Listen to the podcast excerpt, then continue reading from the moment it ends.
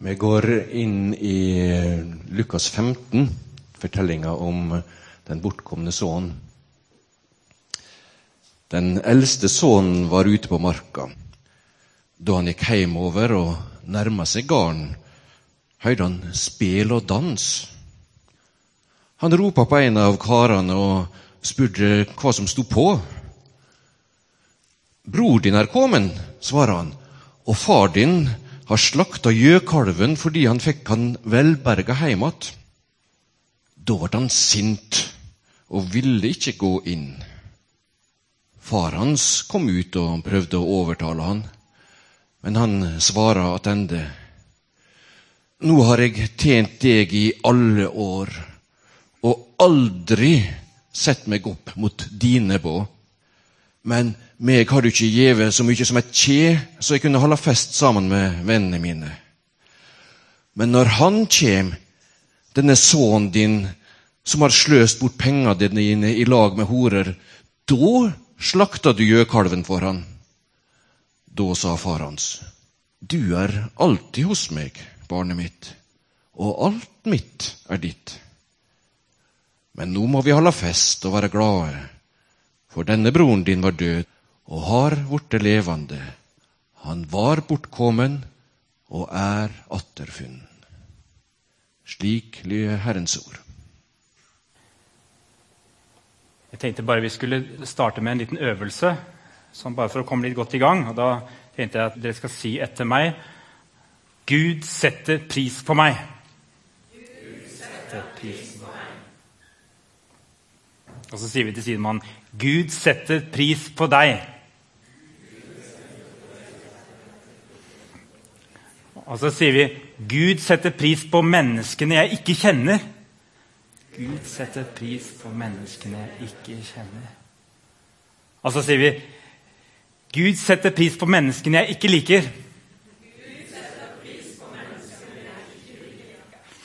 Dere er så lydige. vet du. Det kom bare sånn spontant. Det tenkte dere ikke om engang. Den satt litt lenger inn i den siste, gjorde den ikke det? Altså, Det er jo greit nok at han, han liker meg og liker vennen min ved siden av meg. Og så er det greit at han, at han liker alle de som jeg ikke kjenner ennå. Ja, kjekt, det. Men de jeg kjenner og jeg ikke liker Gud han setter pris altså på, på dem også. John Maxwell, en av verdens største eksperter på ledelse, en som har veiledet utallige næringslivsledere og også statsledere verden over, han sier det sånn Vi som følger Jesus, må ta et valg. Og jeg ser det slik at dette valget presses på oss i større grad hver dag. Vi blir nødt til å spørre oss selv, sier han. Skal vi bruke livet vårt på å knytte oss til mennesker? Eller skal vi bruke livet vårt på å korrigere mennesker? Temaserien vår i høst den heter 'Historier som forandrer verden'. og Nå er vi tilbake og ser på konkrete fortellinger i Det nye testamentet. Fortellinger som enten handler om Jesus, eller fortellinger som Jesus fortalte. Som på konkret vis har satt spor i historien og kanskje forandret ikke bare forståelsen til kristne, men samfunnet også. Og Den fortellingen dere har hørt lest i dag, den er jo kanskje en av de aller, aller mest kjente om den bortkomne sønnen eller den hjemvendte sønnen. Måten faren møter sønnen på. Det er jo sånn at eh, På den tida det finnes gode spor av, eh, av noe den samme måten å møte mennesker på også i Det gamle testamentet, men det finnes også spor på det motsatte. De hadde en tanke om at eh, man skulle hevne seg på den som hadde gjort noe vondt mot en og at det var også knyttet til familien, så var det viktigere å ta vare på sine egne enn de som ikke lenger var blant sine egne, eller som hadde forlatt den. Det var en æreskultur på mange måter, og en hevnkultur.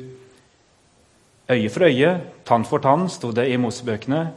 Og vi har disse fiendesalmene i Gamle Testamentet som på et vis rettferdiggjør muligheten for å være vedvarende i opprør mot sine fiender og ønske at også Gud skal ta parti mot fiendene. Det er mange ting en kunne si om disse fiendesalmene. Jeg syns de er flotte å lese av og til, for de er nesten som bekjennelser. Å sette ord på de, det sinne og den urett som man har opplevd, og samtidig kunne si 'Gud, du må ta deg av dem'. Jeg syns fortsatt vi kan lese de salmene, men eh, det er samtidig viktig å merke seg at Jesus setter ting på hodet når han kommer inn i vår verden. Og I Hellas og Romerriket var jo dette enda mer uhørt når de første kristne kom med sånne fortellinger som Den bortkomne sønn. Litteraturprofessor David Konstan han sier at tilgivelse sånn som vi kjenner det, det var så å si ikke-eksisterende i Hellas og Roma. De hadde måter å, å reetablere ødelagte relasjoner på. Det hadde de. Men det var alltid tuftet på ære, status og den typen verdier. Og Tanken om nåde for synd, oppreisning for skyld, det var nærmest ikke-eksisterende i samtiden. Så Det var den verden hvor kristendommen begynte å spre seg. Og jeg tror for, I vår tid så tenker nok vi i vår kultur at man skal gå en ekstra gang og en skal tenke på muligheten av å forsones og tilgi når noen har bedt om tilgivelse. Det sitter på en måte, det er en del av tross alt det som sitter litt i ryggmargen vår. Det var ikke en selvfølge når kristendommen kom til Norge for litt over 1000 år siden. For Da var det også denne tanken om du skal beskytte og ta vare på dine aller nærmeste, de som er dine venner, og du skal få lov til å hevne deg på dine fiender. Så Jesusfortellingen de markerer et vendepunkt i historien, og gradvis så blir samfunnet preget av en ny tenkemåte. Vi ser det konkret i, i, vårt samfunn, og det har jo tatt tid, en del av dette, men vi ser det konkret i måten vi behandler kriminelle på. At vi ikke først og fremst, vi har i hvert fall ikke bare den tanken om gjengjeldelse, men det er like mye en tanke om reetablering i samfunnet. Gi mennesket en ny start. Den hjemvendte sønnen det er jo fortellingen vi gjerne kjenner da, som den bortkomne sønnen. Jeg kaller den hjemvendte. Vi har et bilde her som Rembrandt har malt, som er et veldig berømt bilde knyttet til denne fortellingen. Han har jukset litt med fortellingen, for i denne fortellingen så er storebroren til stede når sønnen kommer hjem. Det er grunn til å tro at eh, Rembrandt har tegnet denne høye mannen som står på høyre side, som storebroren. Og Vi ser hele blikket på storebroren, vi ser hele hans holdning, og vi skal snakke litt om han. Det er ikke helt uvanlig fortsatt i vår tid å oppleve at ikke bare mennesker som vi ikke har noe med å gjøre, eller som tilhører en annen kultur eller som tilhører en annen religion, eller som ikke er i vår familie, at det er de vi kan oppleve å bli fiender med. Egentlig er det skremmende ofte at fiendskap kan ramme inn i de innerste sirkler i en familie. Mellom ektefeller, mellom foreldre og barn, og ikke minst mellom barn.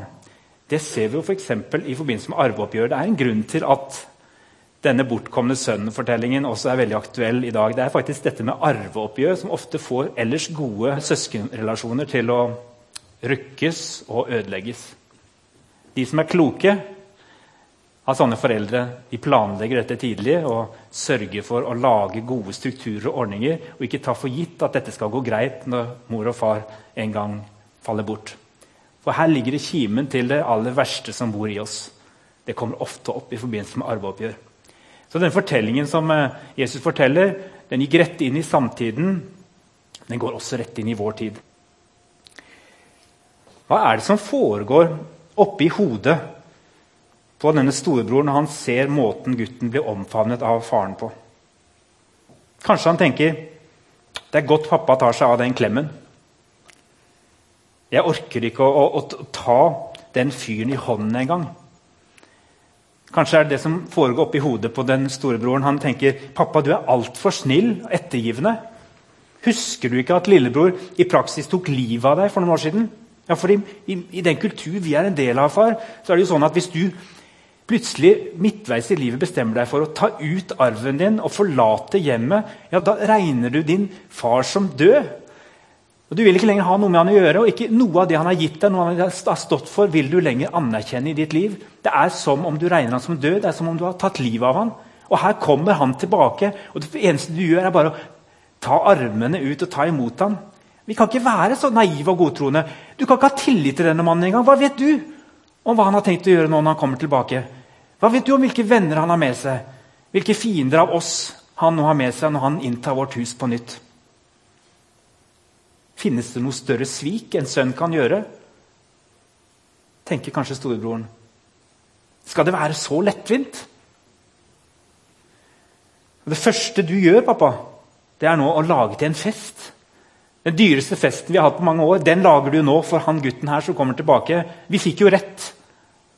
Og Istedenfor å forklare han og gi han en eh, korreksjon og i det minste fortelle han at vi hadde rett hele tiden, så er det beste du kommer opp med, å slakte gjøkalven og lage en svær fest. Det vi ikke ser på dette bildet, tenker jeg, det er den fine samtalen som far og storebror har etterpå.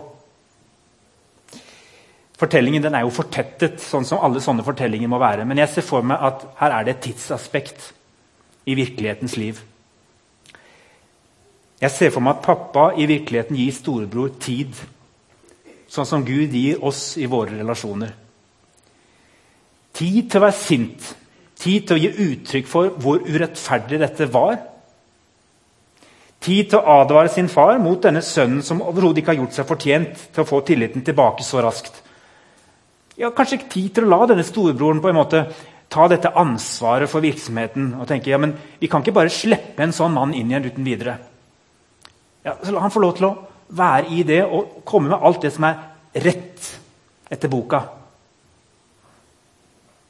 Men så sier han noen veldig kloke ord, og de er gjengitt i fortellingen vår. Men Det er også fortettede ord, men som er utrolig innholdsmettede.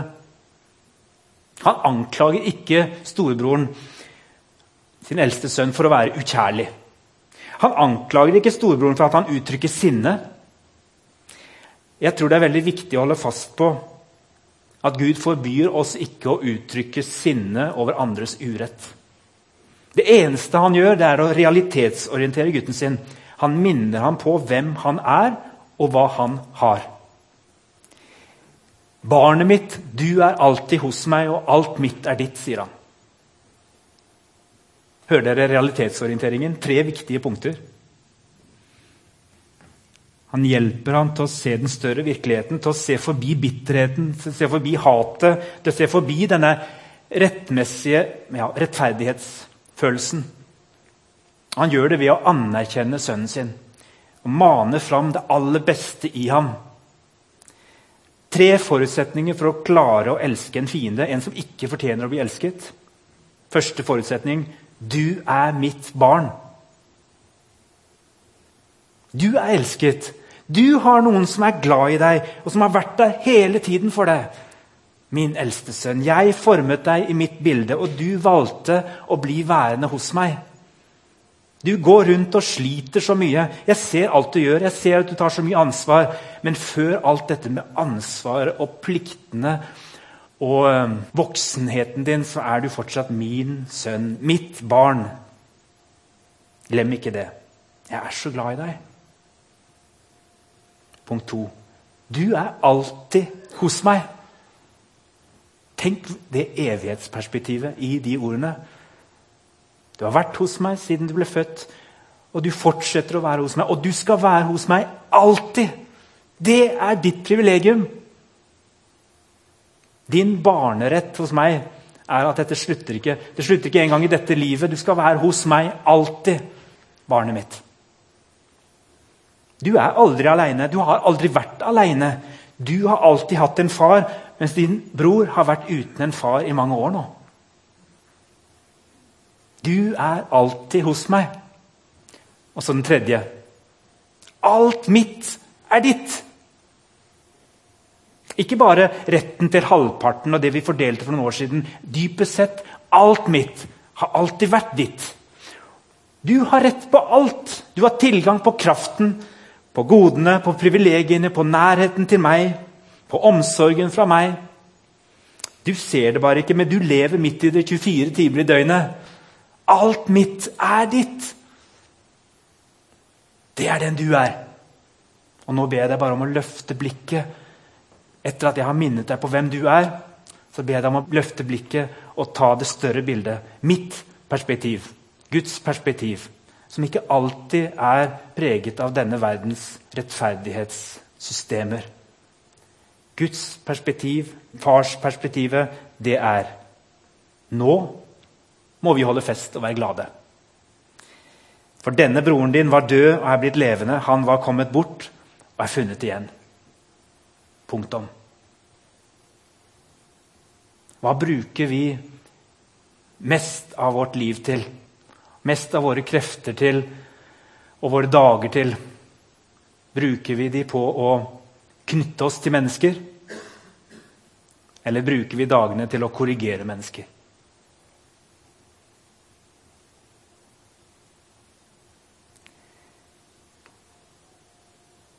Jesus han sa i Matteus 5, 43-48.: Dere har hørt det sagt. Du skal elske din neste og hate din fiende. Men jeg sier dere, elsk deres fiender. Velsign dem som forbanner dere. Gjør godt mot dem som hater dere, og be for dem som mishandler dere og forfølger dere. Slik kan dere være barn av deres far i himmelen. For han lar sin sol gå opp over onde og gode og lar det regne over rettferdige og urettferdige. Om dere elsker dem som elsker dere, er det noe å lønne dere for? Gjør ikke tollerne det samme? Og om dere hilser vennlig på deres egne, er det noe storartet? Gjør ikke hedningene det samme? Vær da fullkomne, slik deres himmelske Far er fullkommen. Jeg mener at det største problemet i dag det er ikke lenger det at vi innrømmer at dette er vanskelig. Det er klart dette er vanskelig. Det er ikke det at vi ikke syns vi får det til. Det kan vi legge fram for Gud. Det kan Gud gjøre noe med. Det er et godt utgangspunkt. Ydmykheten, erkjennelsen av hvor vi står. For Det kan lede oss ned på kne overfor vår fullkomne far. Vi kan få lov til å legge fram for ham de menneskene vi ikke klarer å forholde oss til slik vi gjerne skulle ønske. Men det er vanlig å skille mellom tilgivelse og forsoning. Tilgivelse det er å gi avkall på min rett til å straffe deg eller skade deg tilbake. Forsoning det er noe som krever et ærlig og oppriktig ønske fra begge sider. Det krever en viss felles virkelighetsforståelse. Jesus han befaler deg ikke å ha tillit til mennesker som ikke på noen som helst måte gjør seg fortjent til din tillit. Det er det forsoning dypest sett handler om. Men under alt dette så ligger like fullt befalingen om å elske. Den gjelder uansett. Den gjelder uansett om vi møter angrende synder som kommer og ber om tilgivelse, eller om vi møter mennesker som står hardt på sitt, som ikke angrer som ikke ber om tilgivelse. Jeg er kalt, står det her, til også å elske mine fiender. Det er ikke så mange av fiendene våre som kommer oss i møte og sier vi tok feil. Vi burde ikke gjort det. Vi har krenket deg. Og jeg vet at det er nesten umulig å ta disse ordene på alvor. Men jeg vet at det er mulig for alle som er i Jesus Kristus. Det kan oppleves som en, som en dom vi legger på mennesker. At du skal elske de du regner som dine fiender for alt de har gjort mot deg. Men det er ikke en dom, det er ikke en lov, det er et evangelium. For det bygger på anerkjennelsen av hvem dere er. Av og til er det kanskje der vi stopper opp. Vi stopper på en måte litt opp. Vi, vi, vi tar imot anerkjennelsen av å være Guds barn, så hører vi på en måte Med hodet vårt så hører vi det far sier til storebror. 'Du er mitt barn.' Men så er det akkurat som vi ikke tar ut hele potensialet i den fantastiske, dette indikative 'dette er vi'. Alt mitt er ditt. Du har tilgang på kraften, på kjærligheten, på nærværet mitt. Alt er tilgjengelig i dette huset. Du har vært der hele tiden. Du er her fortsatt. Det er ikke sånn at du skal reise et annet sted for å få tak i kraften som gir deg muligheten til å gjøre det umulige. Du er her. Du er mitt barn. Alt mitt er ditt. Du er alltid hos meg. Og så er dette da et evangelium. Evangeliet om å få lov til å elske også de som ikke lar seg elske. Ikke bare fordi det gjør godt for de som blir elsket, men fordi det dypest sett setter oss og gjør oss til hele mennesker. Setter oss tilbake på rett kurs og gjør det mulig for oss å leve videre. Frie for den bitterheten som kveler oss innenfra. Og som gjør det umulig å puste til slutt. Og i hvert fall umulig å leve fritt og levende som Guds barn. Jo da, vi fortsetter å være Guds barn, men som fanger av det som har skjedd oss i livet. Det som undrer meg litt, det er når jeg stadig oftere hører at mennesker ikke sier at dette er vanskelig, men de går et steg videre og sier dette må vi legge helt vekk. Dette er i beste fall naivt, i verste fall farlig å følge, er det mennesker som sier i dag. Da lurer jeg på om det skyldes at vi ikke vil gi fra oss våre rettigheter. Det er noen som sier at vårt samfunn mer og mer preges av å være et rettighetssamfunn. Det betyr at eh, jeg har rett til å være vedvarende sint og krenket livet ut. Jeg har rett til å trekke fram det andre har gjort mot meg, og bruke det mot vedkommende igjen og igjen. Det er min rett som menneske. Jeg er krenket, og det har jeg tenkt å fortsette å være. Ta ikke fra meg min rett til å være krenket, ta ikke fra meg min rett til å være sint, for sinne er sunt og viktig. Alt det er jo sant. Det er ikke bare det som er sant. Det er derfor Jesu ord fortsatt i dag framstår så forstyrrende inn i våre liv, spesielt når vi har tunge skjebner, tung bagasje å dra på. Og derfor er det altfor lettvint av meg å bare stå i en tale og, og, snakke om disse tingene og skylle ut hva Jesus mener og sier. For det er jo fortsatt veldig vanskelig å ta inn. Men likevel vi kan ikke parkere disse tekstene om å elske våre fiender eller snakke om det som om det bare dreier seg om noen veldig, veldig langt borte som driver med krig og sånt. Det dreier seg kanskje om nære relasjoner. Venner som på ulike måter er blitt våre fiender. Det er uhørt å høre Jesus si dette fortsatt i dag. Det har beviselig påvirket og forandret samfunnet vårt gjennom mange hundre år og tusen år. Det er, ting, det er spor av denne fortellingen igjen i hele måten vi bygger våre samfunn på. Vi skal være stolte og si den bortkomne sønnen, den hjemvendte sønnen, er en fortelling som har vært med å forme oss. og Den var det Jesus fortalte. Tilgivelsens kraft kunne Nelson Mandela fortelle om. Det ligger ting her som er riktig også menneskelig sett, men noe sprenger grensene for hva som er menneskelig forståelig og naturlig og rettferdig. Men det er det evangeliet handler om. Romerne 5.10, der sier Paulus Der forankrer han denne fiendekjærligheten i Guds eget hjerte. For mens vi ennå var Guds fiender, ble vi forsonet med ham ved hans sønns død. Når vi nå er forsonet, hvor mye mer skal ikke vi da bli frelst ved hans liv? Dette er Kristi verk i våre liv. Dette er Kristi verk for både storebrødre og småbrødre. Både de som har vært hjemme hele veien, de som har forlatt huset og kommer tilbake. Vi kan ikke gjøre noe fra eller til for å oppnå den frelsen. Men Jesus har ikke bare gitt oss en billett til himmelen der framme. Han har gitt oss kraft til å gjøre himmelen synlig her på jorden.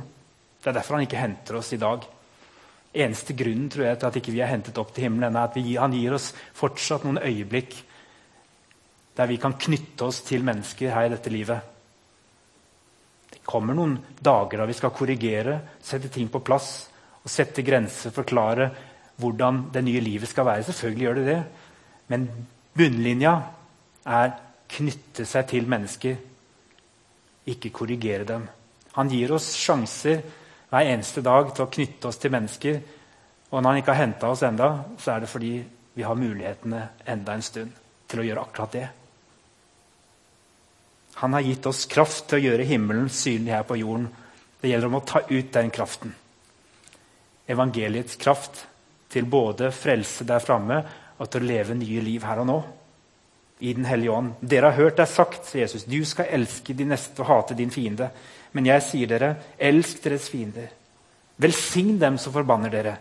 Gjør godt mot dem som hater dere, og be for dem som mishandler dere og forfølger dere. Slik kan dere være barn av deres far i himmelen. Det er noen av våre kristne brødre og søstre i Midtøsten. Ofte så er de sterkeste vitnesbyrdene jeg ser Nå ligger det også tilgjengelig, man kan finne sånne ting på Internett. Sterke intervjuer med mennesker som lever i Midtøsten, som er kristne. og som lever med, det, det, det er to vidt forskjellige verdisyn og kulturmåter, altså forståelsen av dette her, er vidt forskjellig. Der noen fortsatt på mange måter lever i denne hevnsirkelen, hevnkulturen, og der de kristne forsøker ved hjelp av å lese Bibelen og forstå hva, hva, hva mener Jesus for våre liv, og så stå, går det på liv og død løs nesten daglig. Hva betyr det egentlig at vi skal elske våre fiender? Og For de som tilhører andre religioner, så er det andre løsninger. Men de kristne står der med denne sterke kjærlighetsperspektivet, kjærlighetsbefalingen om å leve sin liv i det. Og så får vi noen sterke vitnesbyrd. Eh, jeg satt og så på en forrige dagen, kanskje skal legge den ut på Facebook. En som er tidligere muslim, og som nå snakker om livet han lever i Jesus Kristus. Og Han kommer inn på sin egen familie, han kommer inn på, på dette med hevn og alle disse tingene. Og da skjønner vi at dette her, det er faktisk mulig. Det må jo være mulig når det er mulig for dem. Da må det jo være mulig for oss også. Det er en håpsdimensjon i det å se og oppleve det noen av de kristne i Midtøsten sier i Egypt og Syria og andre steder når de er utsatt for så forferdelige voldshandlinger. Og så holder de fast på at gjengjeldelsen er det Gud som skal ta. Hevnen er det Gud som skal ta. Han som forsonet oss med seg selv da vi enda var hans fiender. Han sender oss ut til den verden vi lever i i dag. En vanskelig verden. Den blir ikke lettere. Men vi går inn i den verdenen med perspektivet som storebroren fikk høre. Du er mitt barn. Alt jeg har, er også ditt. Du er alltid hos meg. Gå i min fred og tjen i min nåde. Og vi ber. Og så har jeg lyst til at vi skal be på den måten at vi sitter der vi sitter. Og så er det noen av dere som er frimodige på det å be litt høyt og er trygge på den som sitter ved siden av dere. Og jeg har lyst til at dere skal be konkret for våre brødre og søstre. Av og til er det godt å rette blikket litt bort fra oss selv først. Og be for våre brødre og søstre i Midtøsten. I Egypt spesielt, som vi støtter på en spesiell måte. Også i Syria, der det er kristne ambassadører som lever midt i dette nå. Og be dem bare om å få tilgang på denne kraften som gjør det mulig å elske sine fiender. Så sitt litt og be om det. Om det er andre ting du blir minnet om å be om eller be for, så gjør vi det nå i et par minutter. Stille eller sammen med noen du er trygg på ved siden av deg. Så skal jeg avslutte.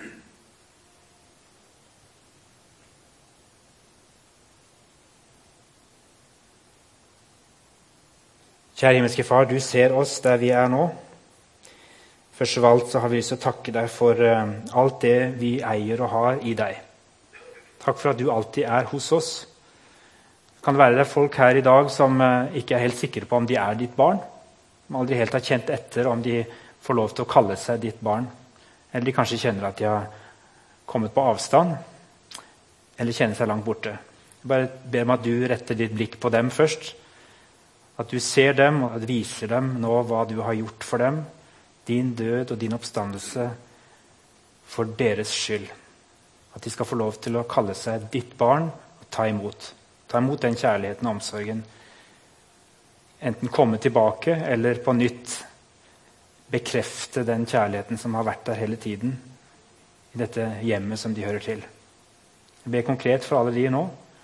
For det er forutsetningen for at vi skal kunne elske andre. Det er å kunne se, oppleve og erfare at du har faktisk elsket oss først og tatt imot oss akkurat sånn som vi er, på nytt og på nytt så ser du eh, at da du døde på korset, så døde du ikke bare for våre synder, men du døde også for andres synder. Du døde til og med for, for de som har krenket oss, og med det viste du at uh, du ikke tar lett på synd. Du viste at ikke du tar lett på, på krenkelser. Du glattet ikke bare over, men du gikk i døden for synderes skyld. Grusomme krenkelsers skyld. Takk for at det er det vi også skal få lov til å møte mennesker med. At dommen den hører deg til, og dommen rammet deg. Mens vi var fiender, så fikk vi møte deg og bli forsonet på ditt initiativ. Så ber vi deg om å gi oss gnist av denne kjærligheten, himmelske kjærligheten inn i våre jordiske liv. Sånn at vi kan klare å møte mennesker og hilse dem med shalom ønske det aller beste for dem. Hilse også våre uvenner med shalom, som betyr velvære og fred og alt godt. i dette livet for mennesker. Fordi vi tror at det, det forandrer fortsatt verden når vi våger å ta ditt ord på alvor. Når vi våger å ta ut denne kraften, kjærlighetskraften, tilgivelseskraften. Gi oss den tid vi trenger, Herre, i de relasjonene som er vanskelige. For at du møter den store broren med uendelig omsorg og tålmodighet. Hjelp oss til å kjenne når tiden er inne for å reise oss og hilse alle slags mennesker rundt oss, også de med din shalom. Vi ber spesielt for våre venner, våre brødre og søstre i Egypt, som er diskriminert, undertrykket, krenket. Som har lov til å påberope seg rettigheter de ikke har. Takk for at de skal få gjøre det og være stolte og sterke i deg. Kreve sine rettigheter, og samtidig skal de fortsette å elske sine fiender. Gi dem kraft til å gjøre det, Jesus, hver dag. I Jesu navn. Amen.